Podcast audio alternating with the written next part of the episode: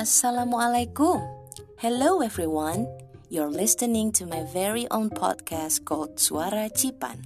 Jeng jeng jeng jeng.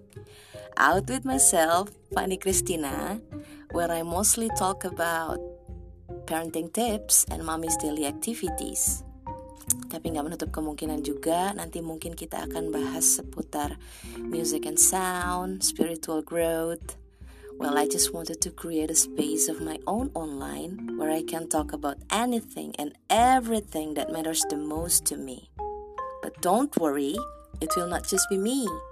I will have guests. Kedepannya insya Allah saya akan undang ngopi, narasumber-narasumber kece, talking about and covering topics from what it's like to be a woman, a mom in today's society. So put those earphones on grab a coffee, and let's chat.